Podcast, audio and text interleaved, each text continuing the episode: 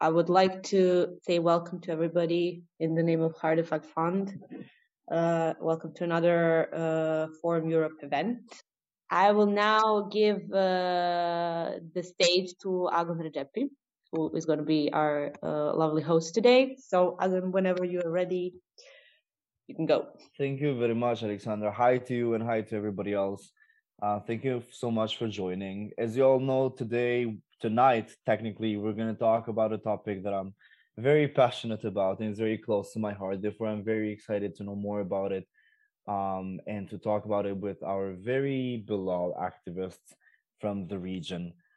Um, first of all, maybe shortly about the discussion. This is um, a discussion queer artivism or queer art activism um, which is being organized by Artifact Fund on behalf of Forum Europe project.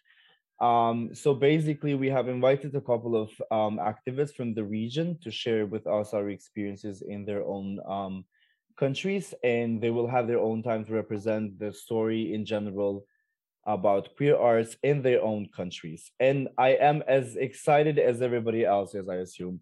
So I'll go shortly and introduce uh, every one of these speakers tonight. And please feel free to wave at people so that everybody knows uh, who I am introducing first.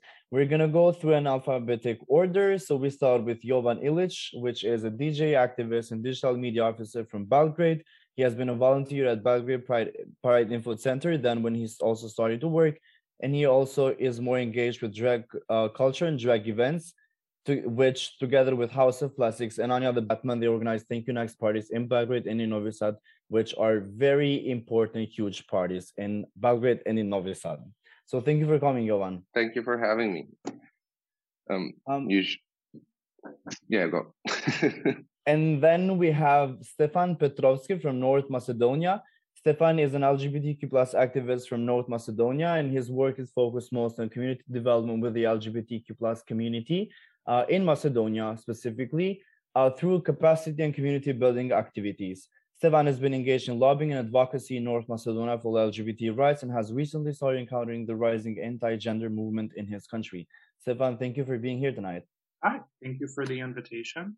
Look forward to talking to everyone, open to questions, um, and let's uh, do more. And last but not least, we have Vojin Cetkovic, uh, which is graduated communication specialist. He completed his Bachelor of Science degree in Ankara, and now he's an openly queer activist with human rights of LGBTQ plus community and environmental protection, and is one of the young European ambassadors to Montenegro.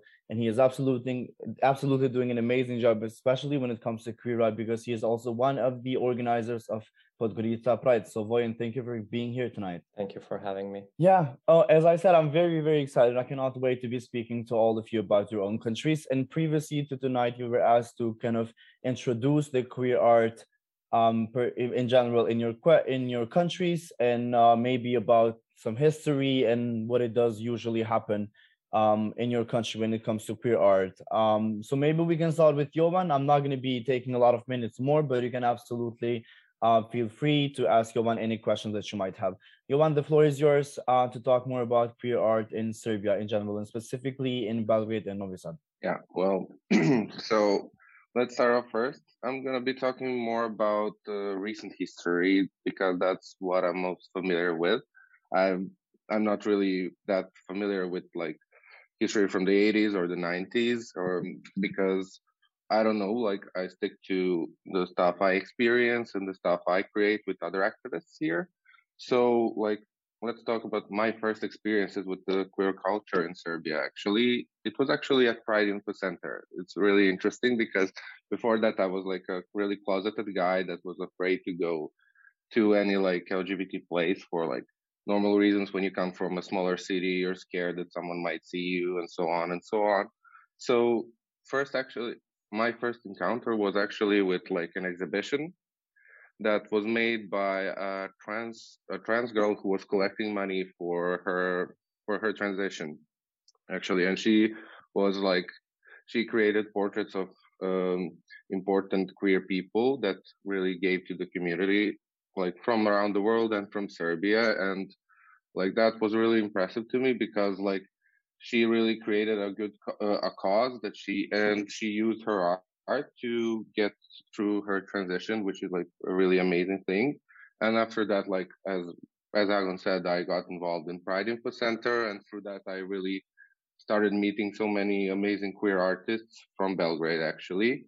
Uh, and before that, I have I didn't have any idea about any of that, and then I got introduced into the queer clubbing scene in Belgrade, and recent, and then right after that with the drag scene in Belgrade, because and it was like kind of when I started when I started getting engaged with it, there was only like two or three like let's say parties and drag events that happened. And that was the only thing like queer people were looking for. For the one the one that was the most important was the Webe community party and also Sonja Sajzor's parties. And those two were like when you ask any like 25 year old and you go like or less years old those are like those were like the holy grails of your um, going out and having having fun with other people like you. Like the Webe community was like there for a really long time, and it was like the only. At first, it was the only place where like LGBT people could go and have fun without any fear of getting beaten up or anything like that. And it was the first place where I also seen drag queens perform because sometimes they would also invite them to perform on those parties, but it was like more of like a side thing. They just appear, do one do one song, one lip sync, and the music goes on. And then I got introduced to Sonja Sajzor when she was at her peak, as I would say, and she was the one who really introduced uh, drag to a wider audience in Belgrade, especially because there was nobody. She, if you don't know Sonja Sajzor, uh, she is a DJ and she is also uh, trans trans rights activist. and before that, I really didn't know even because of her. I got introduced into trans rights as well because before that, as I said, I was closeted. I was always uh, evading, as I would say, like anything that comes to the queer culture because of the fears I had, and like all of those things that I experienced through like those parties and those performances, like really like opened up uh, like a bigger a bigger picture for me and that i saw that like there is so much stuff i don't know about like people who are around me and who are the part of my community. And like when you say like a party oh people go there to get drunk you know and dance all night it's not just that because you see so many things you never encountered before and you like uh, start getting questions in your head and you want to explore more and learn more. And that's and through those experiences through, through pride especially i got like like my eyes were like really opened up to the to the queer scene like before pride etc i never went to a queer queer exhibition and so on and so on. And now like i'm part of it as i would say because um it encouraged me to start doing my own thing with my friends and now i'm here doing parties with house of plastics which is also like a drag community. And there's three of them. They're my colleagues, uh, Zoe Plastic, Lock-In, and Alexis Wonderkant. Probably a lot of you heard about them. Some of you may have not. You can you can you can search from them on Instagram if you want to. And Anya the Batman, of course. And it all started like really slowly. Like we were like, we want to do a party together.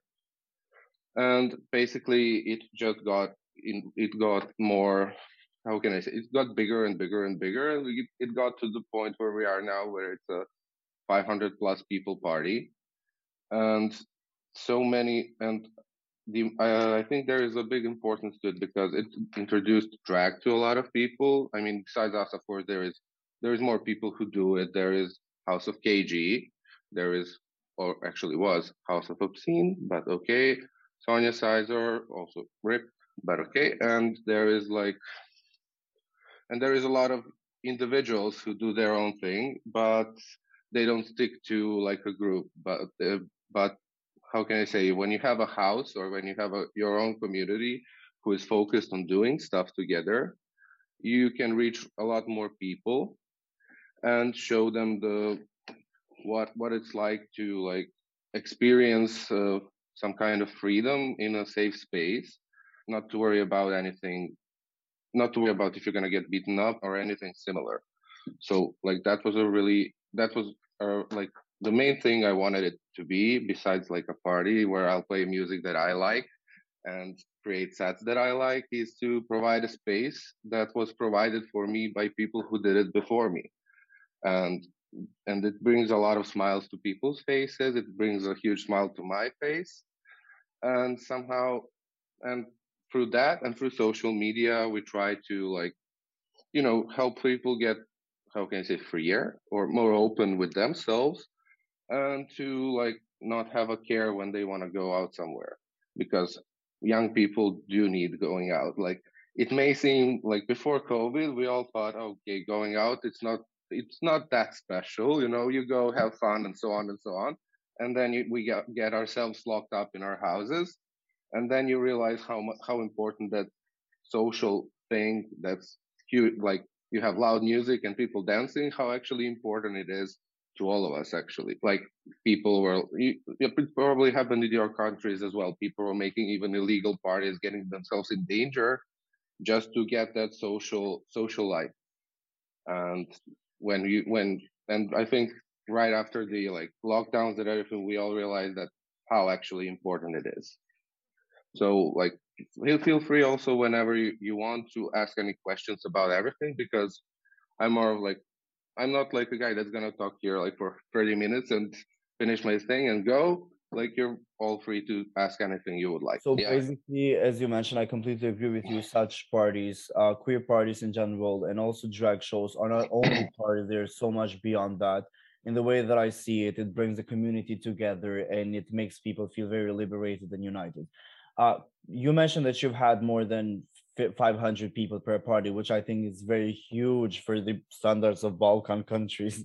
So, could you please tell me, did you notice any change within the LGBTQ plus community and its supporters in in general after these parties? Do you did could you could you tell any impacts that these parties, these events had on the community? Did it bring them together? Because I mean, I'm asking this question through, and while mentioning which I think everybody might agree with me. Um, the Serbian uh, Serbian drag scene and drag culture is very much united, and I do see queer artists being in solidarity with one another all the time. So I really want to know how did it impact um, the whole community and uh, the supporters. Well, it's not just the thing with our parties that we do. Like as I said, also the parties that happened before us inspired so many people to start doing that thing as well. And then, like I think Uh, KG drag show actually like really moved a lot of people to because they have like had like a competition for the for new new queens. They would provide everything they can to them, like makeup, clothes, so on and so on, and they gave people the ability to experience drag by themselves, but not to have to buy everything from scratch. You know, like drag is super expensive, like wigs, makeup, so on and so on. Like it's it's really uh, an expensive hobby to have. And it those the like those kind of like drag shows and parties like give people the platform to try it for themselves and then actually create a character that is actually going to empower more people. And that's like what happened. Like there is like 20 plus queens in belgrade especially. And like and that's like a really good like indication that these parties do inspire other people to do queer art, not just parties. Some people are gonna do like they're gonna do like they're gonna do a YouTube YouTube they're gonna start a YouTube career where they're gonna talk about things, this and that. Like um for example, one other important thing that I would say that for us is important for Thank You Next Party is not to just do it in Belgrade. And we decided to start doing it in Novi Sad as well for now because I mean, besides Belgrade, you don't really have any other places to go to if you're an LGBT person to go hang out or go to a party. I, mean, people talk, send me messages on Instagram, hey, we're coming from uh, Sremska Mitrovica, from Shabac, from Kragujevac, just to, you know, have fun at the party for one night. And that's how you see the dedication of people that, that what and what they need to just come to a place and have fun for five hours and then go home and we started doing that in Novi Sad as well. I mean, I wish I could go to more cities in Serbia, but besides, I don't. We're still thinking about if it is safe at first, first thing, and then like actually Novi Sad Pride was actually the testing testing point for us because uh, me and Alexis were invited to perform for after the Novi Sad Pride, and that party went amazing. There was like 500, 600 people as well, and like we immediately were, thinking, oh, we need to start collaborating with this club that allowed us to actually perform in Novi Sad, and that's how we started with parties there. I mean, it was a tough, it was a tough thing to actually get get it, but we were like intense and we were really boring and we wanted to make it happen. And so then we tried to do it as much as possible there as well. So, but you know, there is a like a really big problem at finding places that are actually going to allow you to actually organize an LGBT party there. Like even in Belgrade, sometimes we struggle at finding a place because either everything is booked or if they see that we're like queer or that we're gay or drag queens, like a lot of them are going to look the other way or just straight up ignore you. So like that was like a really big in, problem that we had, and also like unfortunately a lot of communication goes through me because they don't take other people's because when usually the owners are like straight men and when you see when like my friends that are in drag try to do something and talk about serious stuff they don't take them as seriously because they see them oh, these are like just some feminine guys that want to like do something and they don't take them seriously just because of how they look and what they do. And for example, we were like at the, I'm not gonna name any clubs, but like at one club, they, even though I'm not the only DJ there, there are three of us. They were like the like the sound guy came to the place that came to the backstage and he was looking for me specifically for everything related to connecting connecting stuff, setting up, and so on and so on. Even though they said, but I, I'm a DJ as well, which is like, that's like, that's the proof of what I was saying right before. Or in Novi Sad, you see a fully packed, fully packed venue and you, we only get a hundred euros altogether, which doesn't, which barely only covers the cost of our travel back and forth, which is like insane. But you know, like you don't even have to count. You know that you earned more than a hundred euros. I mean, don't get me wrong. Like to some people, hundred euros now might seem like a lot, but when you have to transport uh, like four or five people to Novi Sad and back, that's more than 100 euros. So imagine that, and plus you have to think about covering the cost of like queens making their outfits, them spending their makeup, uh, paying someone else if they don't know how to make a how to make a hairstyle for their wig and so on. So, but it's not not all places are like that. With some we had like amazing experiences, and then some of them just ignore us, even though we had some agreements before. So like it's a real sometimes it's a real big really big struggle to actually find a place to create a party from the beginning. So did that answer your final question? Oh, absolutely did. Thank you so much for um, all the information. Um, actually, uh, I want to recommend to everybody who hasn't um, attend your parties and also hasn't seen the beautiful drag scene in Belgrade and in Serbia in general, please go and do it, do it because it's very much inspiring and it's very much huge and it's just gorgeous. Um, to be honest, what I do like about the drag scene is because it's still kind of um, let's just say the queen still rule it and you know if the other shows and the other parties and the other owners as you mentioned still do not haven't i mean i don't know how to formulate this and not sound very bad but it's just nice that the drag queens still are kind of uh, powerful enough to kind of command their own way and their own drag rules. So it's not commercialized and it's not ruined by some other men and some other parties. You know i, I still do see the its activist spirit on all the parties um, so yeah, thank you so much for sharing that. Um, if anybody else doesn't have any other question, um, which I mean, you can also save the question for the end when we're going to go through the breakout room in which you can talk privately to some people, and maybe there you can have a specific question for Jovan or for, for the other speakers. Um, if not, then I'll I leave the floor to Stefan Petrovski. Um, Stefan, could you please tell us more about the situation in North Macedonia? We heard Jovan explaining the story um, in, in Serbia and also the, the decentralization of queer parties in general. Um, is it is it a thing in in North Macedonia as well? Do all the um, queer events happen in Skopje? And could you please just try to summarize maybe the whole situation when it comes to queer art in North Macedonia? And by the way, uh, it's correct that I'm referring to North Macedonia as North Macedonia, right? For the moment, yes. Okay. That's a topic for another time. But if you've been following us, you would know that we're currently going through an interesting political development. Um, so we might no longer be North Macedonia. We might revert back to the previous name. Um, that I am not an expert in, so I would recommend you go follow a different political live stream. Uh, but I'm here to talk about everything queer. Uh, so basically it's kind of like a similar situation with what's happening in Serbia. Um, although I would say that because Belgrade started with Pride much sooner than Skopje did, uh, we only had our first one in 2020, um, 2019 actually. Um, 2020 was virtual, and then this year we were able to pull off um, a physical Pride again. Um, so for us, it's only just now kind of the beginning of this journey of what's coming up next um, and how is queer culture and queer art going to evolve throughout the years. Um, albeit it is kind of similar to what's happening in other neighboring countries. Um, we're pretty much all the same culture. We face the same issues. Um, so obviously, our artivism um, the art that queer people create is going to be on the same topics and target the same situations and political issues and cultural issues.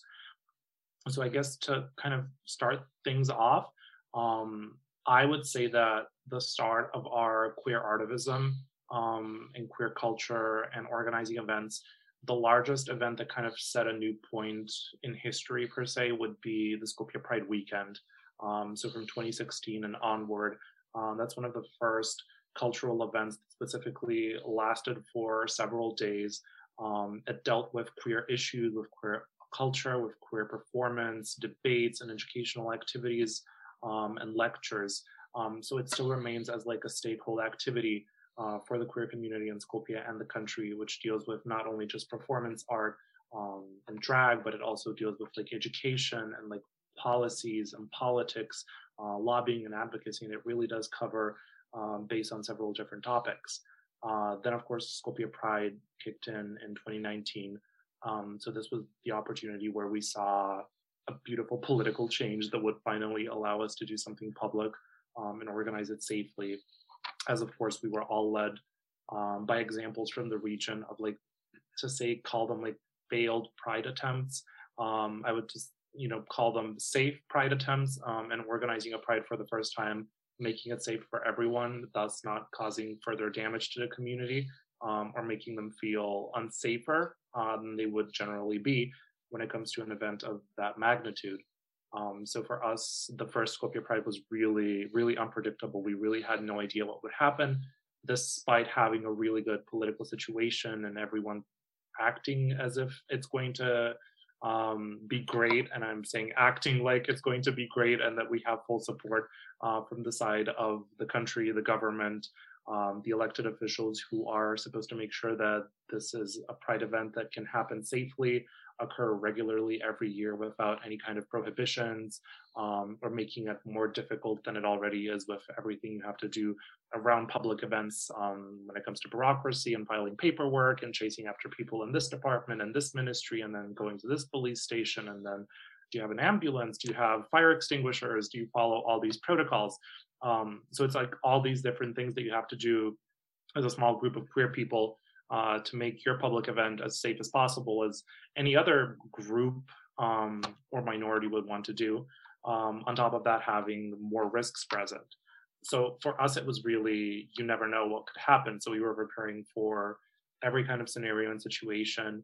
And thankfully, of course, that went very well. Um, along with Bosnia and Herzegovina, we did have one of the first most successful prides in the region. And it's not something that we have to brag about, um, but it's something that we have to be proud of that it is a milestone and a major achievement for the region and not just the country that there is change. Um, and most of that of course does come from queer art from culture from music from movies that people and society are exposed to which allow them to see a different side of the queer community that's not just you know the lies and misinformation and fake news that they're fed online um, either from alt right campaigns or political parties and groups that kind of get them to see this untrue, this ugly, perverted side of the queer community. Um, and I specifically mentioned, and I wanted to introduce the aspect of the anti gender movement um, in my introduction because it's something that's happening at the moment right now, which can set us back quite a while and undo everything that the queer community has done over the years. And it's something that, of course, we should be afraid of because these are not um, some random teenagers who are trying to sabotage a US election uh, shout out to the Veles crew who was doing fake news during that time. Love you so much. Um, but this is also like a very large movement, a global movement that's organized and it's kind of um, getting in its peak and it has a lot of effect um, and outreach when it comes to like targeting what we do, how we do it, and trying to undo everything that we've done when it comes to lobbying, when it comes to advocacy and public perception and our, let's say, reputation in society of being like just to say normal people. Um, hate the word normal, but it's trying to make us sound like we're abnormal, that we're asking for too many rights, um, that we're doing really embarrassing like private events and parties and like all the time targeting drag queens and trans people and trying to put them at the butt of the joke. Um, that this is not something that should be taken seriously or addressed by politicians or discussed in law changes. Um, so it's something that I'm very worried about and very interested in because they do kind of copy paste a lot of narratives um, from over the years that have been seen either in the United States or in the United Kingdom when it comes to voting um, and making legal changes to allow queer people to have specific rights that are not present there, which make their lives a living hell. Um, so for us at the moment, um, that's a major issue that's present, um, and it's only rising day by day. Um, so we're very much very much aware of these people. Shout out if they're watching and spying on me. Very pleased that I am on a watch list. And um, I'm I'm here to view and review everything you have to post, no matter how stupid it is.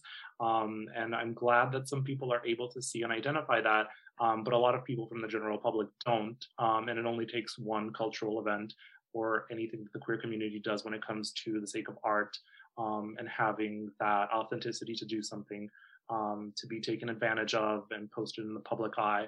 Uh, for example, like one of the first, um, well, actually, the first house that we had um, on the term of drag was House of Foshay. So that was in 2018, 2019, if I'm not mistaken, uh, when it formed. So it was the first time that a Macedonian drag collective was coming together to form a house um, and doing a party. So one of the parties, which if I'm not mistaken, was during Skopje Pride weekend. Uh, the photos from that party were completely misused, and the story behind that was painted in the public eye of. So what the situation was, it was a party in a nightclub. So basically, something that happens in Belgrade every weekend. Um, so the photos were taken off of one of the organization's Facebook pages and posted on this fake news website. And what this fake news website did was they said, um, naked, and I'm quoting transvestites dancing to underage children and like getting naked and stripping in a nightclub in Skopje. Um, so they just took like the most promiscuous photos that they could get from like this album of photos and they posted this. Of course, this made the drag queens feel very unsafe because things like this have happened in Belgrade as well, where identities of drag queens are revealed and then they get targeted and get sent hate and bullied. Um, so obviously, things things can like go very bad very quickly um, and this is what kind of also happened was these queens were put on a pedestal um, in front of the whole country. And then of course people don't read into detail. They all just have to read a headline. And it was enough to see that they're naked transvestites dancing to underage children trying to like pervert them and convert them. And this all just ignited this whole narrative of queer people being like these sick perverted people who dress up in clothing from the opposite gender and are out to target underage children to get them to do the same thing. Um, so it's very ridiculous when you think about it as a queer person that this is something that would go through the head of a straight person and a homophobe um, but it's something that kind of happens here every single time you want to do an event. Um, you have to prepare for this backlash that someone's going to use the event against you and against the work that you do and the change that you want to do. Um, and instead of taking you forward one foot or two feet, it takes you back like 10.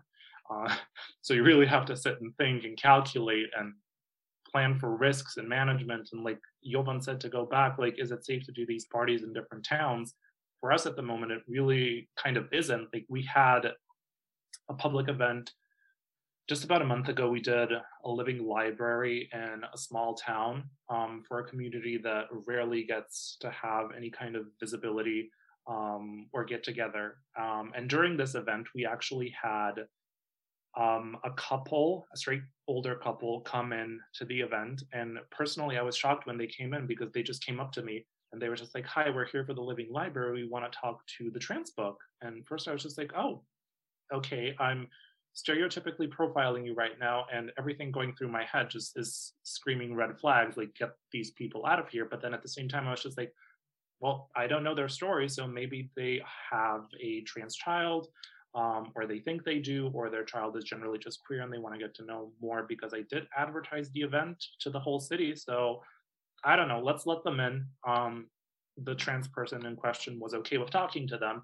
Um, and then we later, after the event, found out that these were in fact spies sent in by the anti-gender movement um, to interview this trans person in question and try to kind of get them to confess to something or share a story. We're not really sure what the intent was, um, but it was very weird to find out that this is something that they would do and to what intent i'm not sure but definitely not anything nice um, so obviously we're um, as my favorite Twitter profile would say, how concerned is the EU? We are very concerned about what is happening with this movement.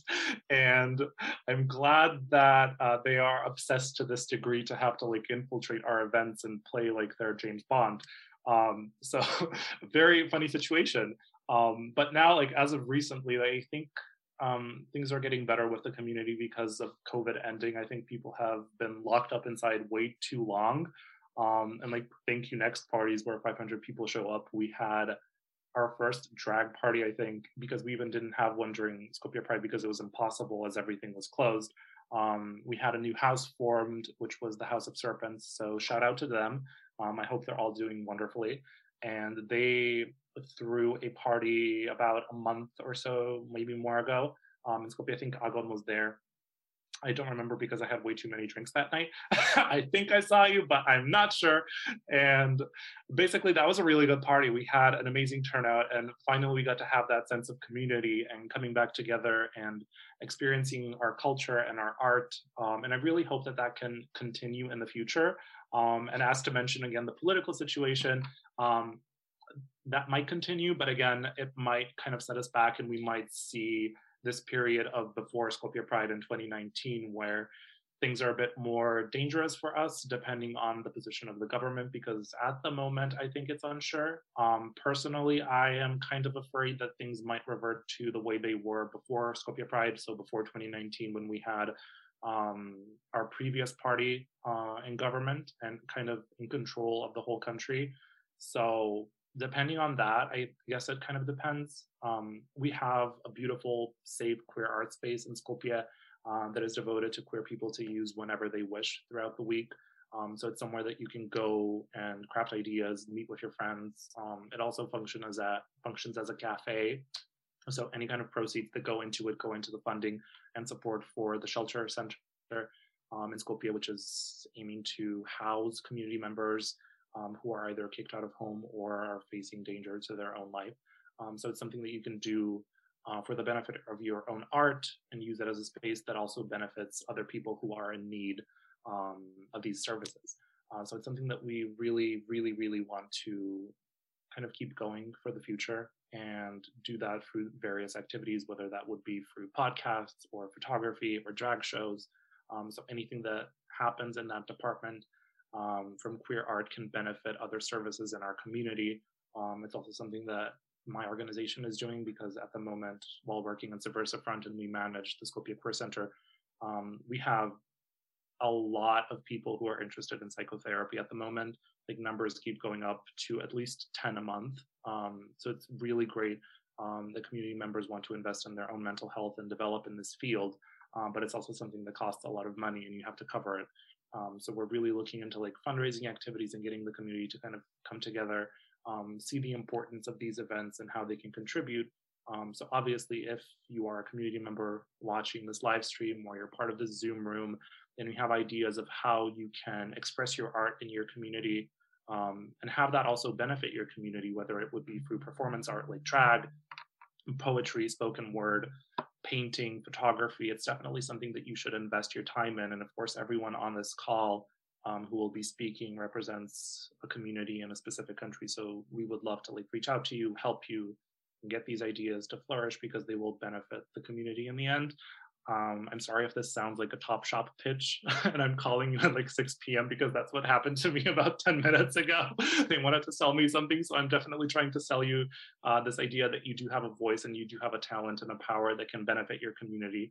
Uh, so definitely do think about how you can utilize that um, and reach out to us if you need help in kind of finding this vision and this project that you want to accomplish because it can cause great change. And it's something that we all need at this moment um, even if we think that our community is in a good place and our politics are in a good place and they're progressing, in the snap it can all get taken away. Um, so let's not resort to that and have several backups in place, plans B, C, D, and E. Well, thank you so much for that, Stefan, um, especially for your invitation to other people. I actually have two questions. Um, so first of all, Liz, could you please tell us more about how did it actually affect you know the whole incident that you mentioned? Uh, how did it affect the community? Were people scared to actually go to a queer event after all those things were happening in north macedonia? Uh, which specific incident? You know that uh, fake news the media that oh, posted about so, the yeah. naked transvestites but also the other one that you mentioned the library, uh, living library. How did you know all these incidents in, impacted the community yeah, so the Living Library was something very recent, and we tried to keep on the down low um, back then and didn't want to make a whole situation out of it on social media and give these people more visibility than they do. And the only reason I'm mentioning it here now is because I know that they're probably not on this live stream following because it's too much. I mean, it's almost 7 p.m. Um, knowing their target group, they're all married with children. So I would just ask Becky to go take care of her kids and make food or do her job or take out the garbage do your laundry like stop being obsessed with us. Um, but on the other topic um, after what happened with um, the drag performances and the party in the nightclub uh, there was this um, sense of being worried of what is happening and who are these people because this was the first time that we were kind of starting to get introduced to them. And now it's really obvious that this is the same movement and the same people um, who are very well connected. It's just that back then they didn't really make that obvious. Um, so for us at the time, it was just like, oh, we know that this is the fake news websites who is obsessed with like writing everything anti-LGBT that happens. So we weren't really shocked. Um, we just weren't prepared that this is something that would happen. Like we weren't expecting this because this is not something that your average person would do. This is something that someone would do um, for the purpose of swinging the public's perception and swinging the public's idea of what queer people do at night. Um, so it's it really goes around this whole narrative of like do whatever you want. Um, like I'm okay with you know like I'm okay with gay people, but keep it in your bedroom. This is was the whole thing of like I'm okay with like gay people, keep it in your bedroom. Like why are you in a nightclub? Uh, and it just keeps coming for these like safe spaces. It's just like I'm okay with gay people, but like keep it out of the streets. Don't do pride. Like keep it out of the nightclubs. Don't do parties. Keep it out of like private um, businesses or organizations or safe spaces that you have. It's more to like repress and push the community into living in the closet. Um, so obviously, it did scare a lot of people who were there that night. I know, talking to my friends who were performing that night, one of my best friends who was living here in the country at the time, who was also a queen, he was ready to fight them um, because he didn't care.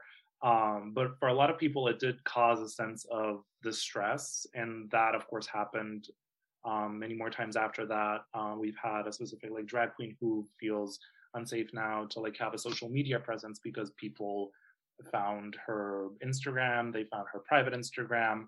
Um, she was attacked after Pride this year. Well, kind of not really attacked, but kind of chased by several teenagers. And then it, it gets really complicated when you're in that position because honestly, it hasn't happened to me. I have had that privilege of like not being identified, even though I'm visually present at Skopje Pride. Um, I appear on social media. Like I've never had people in public, like on the street, like walk up to me and be like, "Are you that fag?" Um, or "Are you that guy who like organizes Pride?" Um, they always apparently come for people who do this gender bending um, and cross dress and do drag. So it's always these people who are seen as more appealing targets for some reason um, in this sick perverted fantasy to like cause harm to queer people. Um, that, for example, like me or Jovan or anyone else who would be seen in a more privileged position. Because honestly, when I walk in public, I wouldn't say that if you like point a finger at me, would be like he's gay. Um, but like for other people, that's not the case, and some people really do want to express themselves as authentically as they can in public. I try to do that as well, and thankfully, it hasn't like costed me anything. So I guess, I guess it depends. It's individual. Um, to try to answer your question and get back into that whole topic, I think it really depends on like how you portray yourself in public and how much you fit into this persona and binary of like male and female um, and of course your social media visibility and how much you've been exposed and targeted by these people and sent through group chats. I know Alexis had a situation like last week from Belgrade. She was posting on Instagram where someone had shared her social media to like an alleged Telegram group with a bunch of homophobes in it. And suddenly overnight she had like over 50 DMs and death threats. And it's something that also happened to like, for example, one of my closest friends who was um, at the first Skopje Pride, he showed up in a very traditional Macedonian dress, um, but made it kinky. And obviously, during the whole week, when he was introducing himself, he was just like, "Hey, I'm the drag queen," and referring to himself in like female pronouns. People started texting and being like, "What are you talking about? You have this between your legs, so you're not a girl." Um, and after Pride as well, he was being targeted for destroying national heritage, um, for embarrassing the country and being a fool and whatnot. And he was getting some death threats. So it's definitely something that really depends on like how exposed you become, um, and maybe also the timing and how far your story gets shared and dragged across social media. It really, really, really is dependent on all of these factors. Yeah, thank you. Jovan, you wanted to say something. Yeah, when when Stefan mentioned the, the drag queens, I just instantly remembered the situation we had in 2018 with uh, Ostroga, Vlažana, and Dita Von Bill when they were like, uh, they I say I'd say it was like a nationwide attack. They appeared in every front page in the newspaper, online or or like in paper. Like they were harassed so much, like like they had to like go undercover literally plus somehow like even they got sued by some other uh, organizations and they had to be protected just because like uh, Ostroga Ostroga and Vlažana they ha- it's like a play on words on some uh, orthodox uh, or orthodox saints and uh, like Holy Mary for Vlažana Maria and for Ostrogami the monastery Ostrog in Montenegro, plus Dita Von Bill, who was who appeared in uh, at Pride in uh, Serbian traditional, you know, wear, and they got dragged so much. Dragged is a fitting word. All over the media, everywhere, like people were trying to so hard to find out their identities, like their real identities, but somehow, for some lucky reason, they didn't get to the get to them so they were just they were just trying to sue them by their drag names, which is like really funny. and they really tried, like they con- contacted the organizations that were organizing Pride to give the names and so on and so on. But like we try to help them as much as they can just to cool down, so that they can try to continue their normal lives. Because that like was insane. Because first thing happened when we shooted a video with Ostroga and Vlažana inviting people for Pride it got like almost half a million views on Facebook or something like that. and that was like, to me, it was like insane. And right after that, you have Pride Day. And then you see uh, Dita, who had like the most beautiful intention to show that like traditional clothes are for everyone, even for queer people. And that's the message she wanted to spread. And they just tried to find the most provocative and the ugliest pictures of her they could find on the internet from Pride.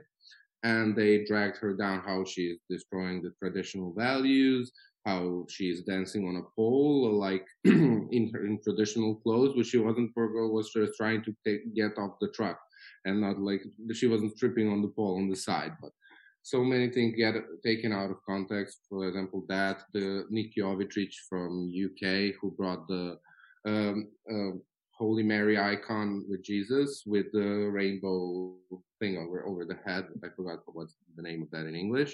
Like he like as soon he came to Serbia like a couple of weeks ago. as soon as he came down to the airport, he was taken to the police station to get uh, to get sued, and because he was sued, but by now that by patriarch and the Orthodox Church because of that. So like he came there to have his birthday with his family, but he was like he was actually like most of the time he spent in the police station. So that's crazy. Like you can just media can just easily take anything out of context and create their own story that they can profit on with clicks. That's Absolutely, it. yes. Uh, I mean, thank you for sharing these these stories. For me, it's kind of very hard to understand the situation of queer art and queer artists uh, in the region because you have such cases, but then on the other hand, you have a very powerful, you know, drag scene and, and artists. And for me, it's very hard to actually, you know, acknowledge like the differences between being so powerful, but at the same time being so attacked. I think that would kind of makes people upset because they see, you know, the community and the art is very powerful and, you know, very vocal and they feel threatened by it. That's why they start, you know, um, attacking or something like that. For example, what was very interesting for me, let me mention this, uh, for the Halloween uh, queer party, there were like a lot of people and there were people that I basically saw for the very first time um in such shows and i think that's very important like the moment you have people outside of these open-minded bubble, I think you have made a progress, and that's absolutely because of the amazing artists. Um, I have a few more questions for all of you, but let's just wait maybe for the breakout rooms, and then we're gonna give the floor to Vojin. Um, Vojin, um, first of all, let me just say congratulations for organizing Podgorica Pride. Um, it has been a while since I wasn't in Podgorica, but this time that I was, oh, I fell in love with Podgorica. Uh, I had a very, very amazing time, and I really like Pride in general. Could you please maybe talk about it? And you know, you also had some changes when it comes to law in Montenegro, and how did that affect Podgorica Pride in general? And also maybe some of the events, some of the queer cultural events that happened during Podgorica Pride this year.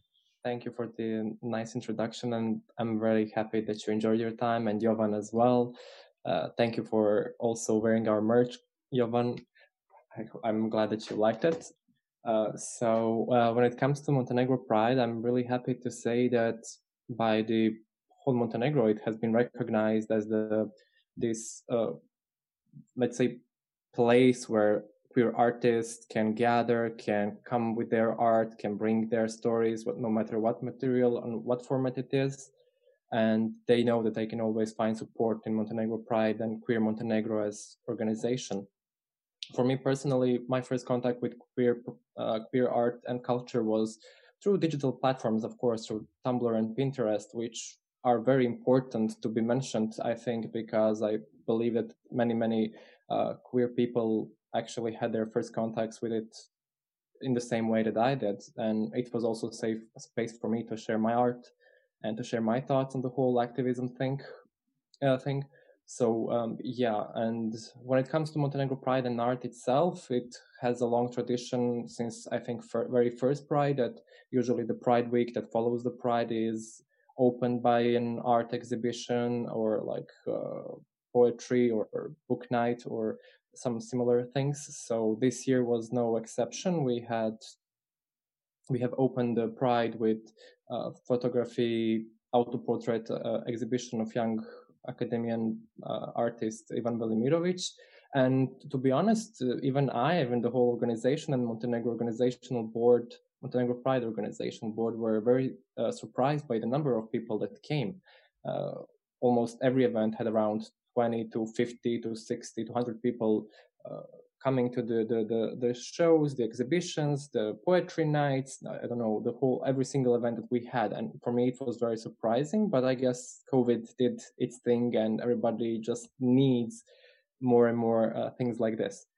Also, other than that, we, as I've said, we had uh, your poetry night, uh, Agon, which was also very, very much visited and everybody liked uh, the thing that we, that, the thing that you uh, share with us. So thank you. Uh, other than that, we also had two movie premieres, short movie with uh, queer thematics, uh, which is also a very nice thing that in one year we have two uh, queer short movies uh, introduced to Pride. We also had a book, uh, book evening, like literature evening about queers, Write Queer book edition. Every year we have, this is like the fifth edition of the book, and we have artists, young writers from the region send us their stories, be it using their own name or going with uh, anonymous name or a code for a name. So, and yeah, every year they send us their stories. Around 20 to 50 people respond to the uh, open open thing. Actually, I forgot the word, but yeah. Uh, what I also wanted to say is like I'm really happy that the academia, the especially artistic academia in Montenegro and academics are really, really supportive of Pride, and not just in the past uh, year, but in many, many years before. We have a great number of artists and academics coming to the Pride itself, helping us organizing the events, uh, many times giving us free spaces or equipment that we need to organize Pride. And with Montenegro and, and activism itself, it kind of has been intervened through through years. I'm gonna try and like, how do I share my screen? Okay. It's very important to talk about activism and art because street active street activism and street art are something very very much connected. Uh, as you will see from the photo itself, it's been Association Spectra that deals with trans people and uh, intersex and uh, varianti, I forgot the word, people's uh, rights. And it was them who actually realized that, okay, performance art is something very important and we should maybe focus on that because it's usually the artists in the queer community that are much more vocal and louder than the rest of uh, rest of us. So they gathered and they were there on the square um, with transparency about showing what the trans community in Montenegro is dealing with, around the world is dealing with. So it was kind of the first moments when Montenegrin society in the whole was introduced to performance art and queer art. And ever since, of course, we've had negative comments online. We had people who are opposed to it, but in general, we have a nice support of the general public, I can say.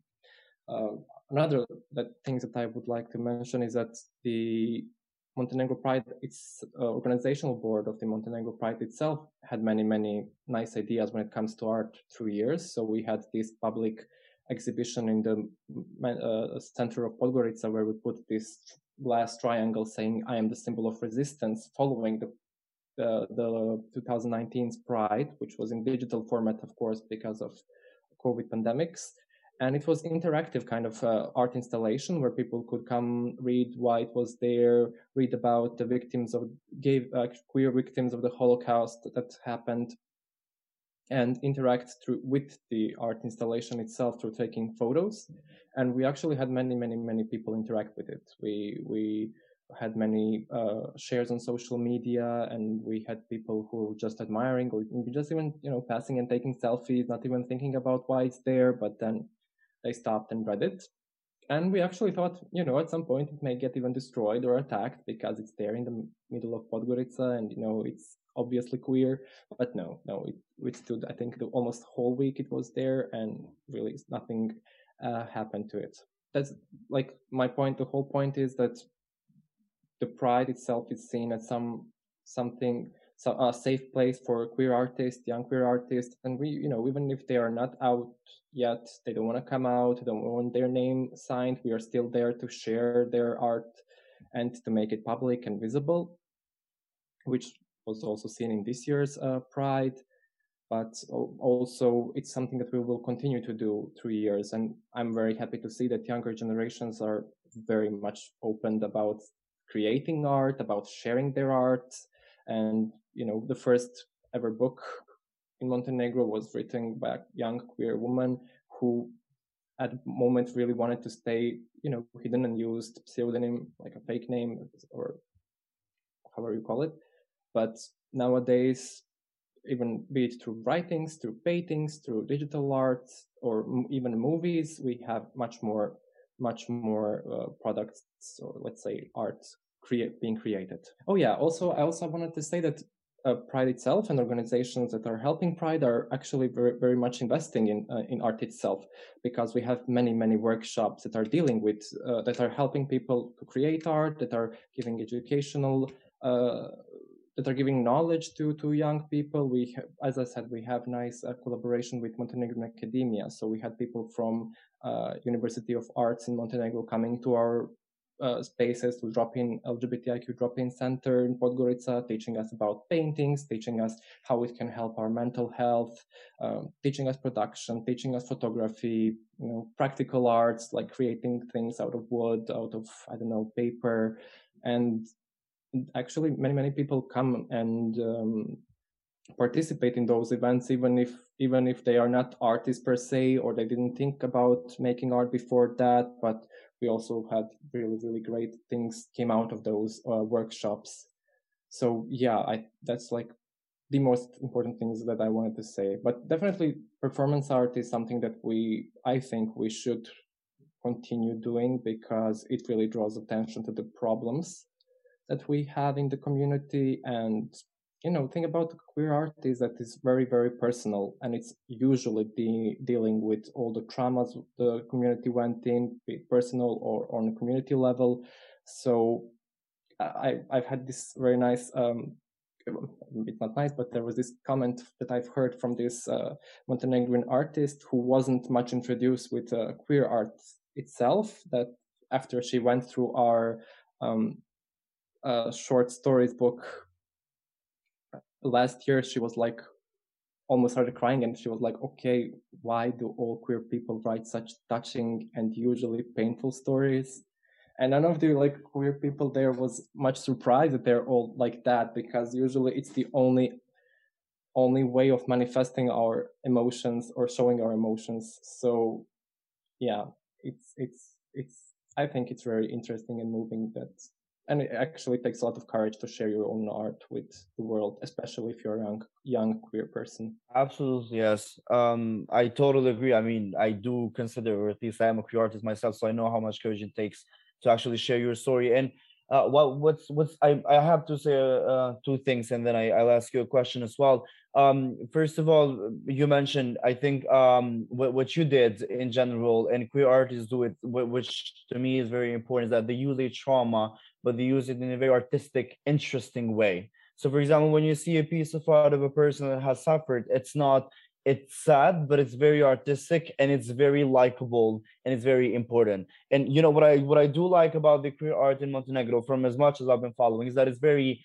interactive with other people, and I think it's very important to you know just to have some pictures you know being showed at the public square so that everybody passes by and you know we go outside of the bubble that usually attends pride. I think that's very important um, the second thing i want to say about the young people um, actually that's very true. That's the thing that i noticed in podgorica also in skopje also in belgrade and basically in all the region that i've had the chance to go through. Um, there are a lot of you know young queer people and you know they identify as queer in the, such an early age. I mean and that's that's very important and it's very empowering itself. Um, I wanted to ask you something, and then I have a question for all of you before we go to the speed dating thing. Um, as much as I know, queer art is not very much associated with drag culture in Montenegro. For example, like it is, let's just say, especially um, in in Kosovo or in Belgrade. For example, when you say queer art, it's is usually associated with drag uh, drag culture because drag culture is very empowered and it's very there and it's very huge and it's very powerful and all that. I'm sorry, but I'm obsessed with drag culture. so, um, how how do you see that? Um, you know, why do you think that is happening? What do you have to say about it? Or maybe it's just you know my wrong perception. No, no, you have it right. You have it right. As far as I know, we have only just few drag queens in Montenegro, maybe just like very few and no houses or like no drag parties in particular. We had drag guests for our prides from region, like Data Bill, if I remember correctly, uh, in 2018, I think, or 19 and uh, yeah yeah well uh, one of the reasons these are all my personal uh, ideas why is, is, it so is that first of all i can sense the level of that uh, toxic masculinity even among um, queer uh, queer population itself in montenegro to be much uh, on a much bigger level than in other countries of the region, but not uh, not just that. It's the it's the having the opportunity itself. Uh, as I've said, like we had much more focus on performance art, on like I don't know, painting, uh, short films that we have through years, and nobody actually uh, has given it. I think given it a thought of becoming a drag queen or starting a like a, a drag career or making drag art. Other than that, it's finding places. It's not very easy to find a, a queer-friendly place in Montenegro. It's not very easy to find a place where you can have even a normal queer party and not to even invite uh, people that are in drag. So I think that's one of the big biggest issues, and also it's it's I think people are still kind of being afraid to explore their gender, their and their sexual sexuality in that uh, manner so yeah but also finding uh, finding things. Like it's very hard hard to find a nice wig in montenegro. It's very hard to find nice makeup in montenegro. It's very hard to find uh, 45 or plus size uh, heels in montenegro. So everything has to be important imported or found, found uh, elsewhere. But also which is a rather normal thing people who wanted to to do drag and couldn't do it in montenegro would usually go to serbia usually students and that was where you know there I, I personally know many drag queens that work in, in Serbia but wouldn't feel as comfortable working in Montenegro. Yeah, yeah, yeah. Um, and before I ask you the last question that I have, I just want to say that actually, like, um, you know, related to what you said, um, queer people and queer artists are the ones who are making a difference when it comes to reconciliation and having, you know, good relation in the Balkans. You know, I do like honestly speaking, I think only the queer people and activists who are close to the queer movements are being in touch and in solidarity with one another. And I think that's beautiful to watch. And I can just say that um, you know, the LGBT community is just the best community out there. no, um, basically, um, I had a question. Um, how do you see the queer art in the future in your own countries, and what do you think um, the activists and the artists should you know should aim to change or to do. Maybe we can start with you and then go with stefan and with jovan. Well um, i think that montenegrin queer art has trying to adapt to the new new ways of of of you know just being out there. Like for example when we had covid lockdown we had digital uh, exhi- art exhibition of nada vujinovic and her queer photography. And as you've mentioned it yeah a lot about montenegrin uh, art is about being it being interactive. So we've actually spread, and not just uh, queer people or queer activists are participating, but we also have allies that are down to you know put makeup uh, and take photography or be in short movies that we make. So um, I see queer art really I hope for the queer art in Montenegro especially to to spread on the other spheres of activism of on the other spheres of uh, society. Uh, one of the, the, the short movies that came out this year was even done by completely full uh, you know uh, cis uh, straight uh, producers and having cis straight acting crew. So it was actually really nice to see even see their perspective on how they see the, the queer community in Montenegro. Uh, but also, yeah, I think it will be more digital. I think it will be more interactive, and I really hope to see it, you know, just on the next level, and hopefully with more drag queens in the future.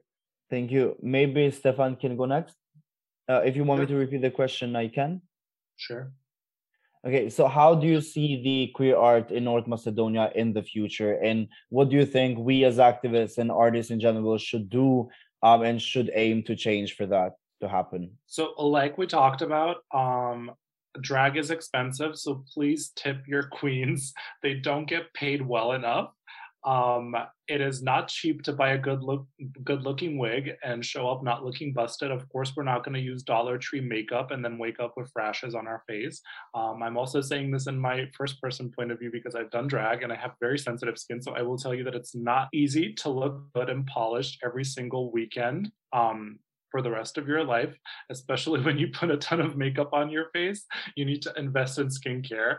Uh, so definitely please consider tipping um, artists, not just drag queens, especially people also who either do poetry, like I'm not going to point any fingers to anyone in the room, um, or writing.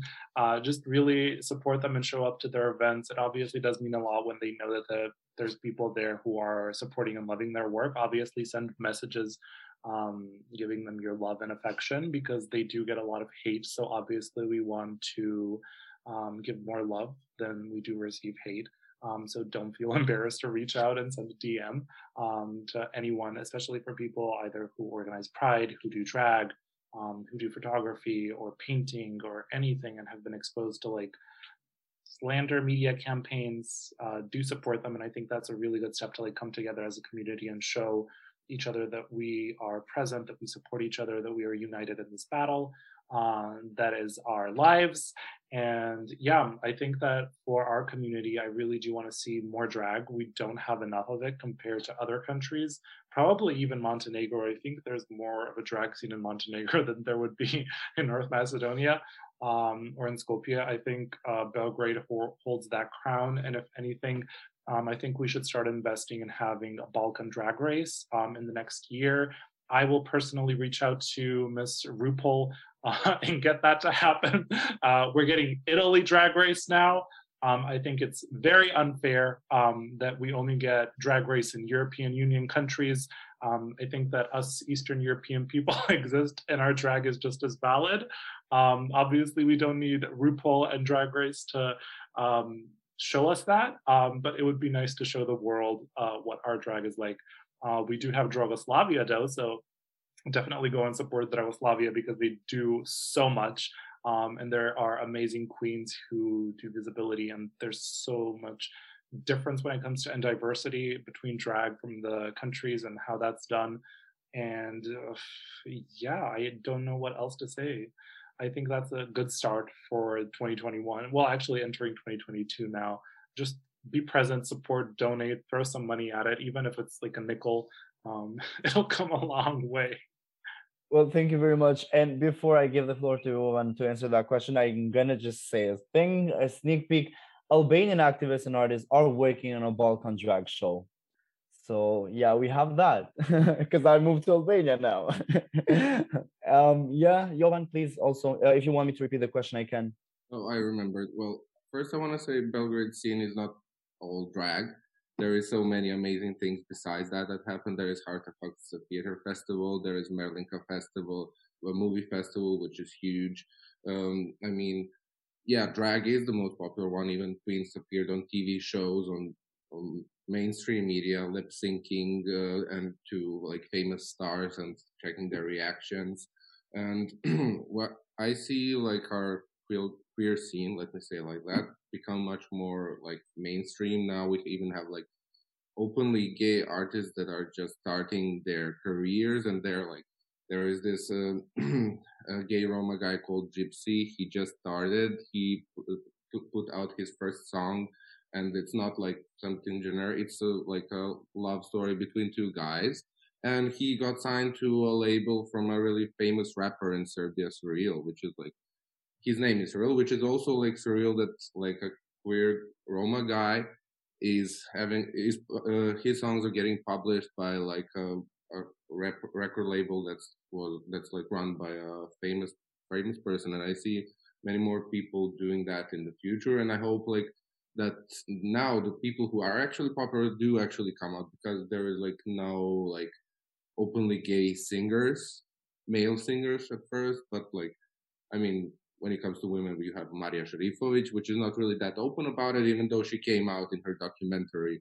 So I believe that the queer scene and the queer culture will like, I hope, and I believe that they will become much more mainstream and that much more people will get introduced to to it in Serbia and I hope to the rest of the Balkans as well. Thank you very much. And yeah, um, I mean, you also said very important things. And I do agree that, you know, queer art is beyond drag culture drag culture is just a very important part of the queer art but as you said there's so many other forms and so many other artists who are doing an amazing job um, in the whole region. And I think uh, Stefan made a very good point that, you know, I think it's harder for queer artists to do art in the Balkans than to do in any European countries for the reasons we all know. Let's just not go through them right now. Uh, thank you so much for your very insightful um, comments and experiences. Um, I learned some new things today, and I feel very nice that we're actually, you know, talking about this and naming these things because these are things that are going to be sooner or later part of the history of the LGBTQ plus history, and it's very much important that we're acknowledging them. Uh, we are experiencing them and we are contributing to them. So thank you to all for what you do and also for um, this very interesting conversation. And now, as you know, we're gonna go on uh, some speed dating, which I'm very excited about because I have some specific questions. Um, so yeah, maybe uh, Aleksandra can shortly describe us how it is like, uh, even though we've tried that. And yeah, maybe we can do that um, and ask some private questions and something that we really want to address. Uh, yeah, uh, I would just like to say thank you everybody for listening and thank you guys for the time you dedicated to this and the things you you shared with us. Thank you.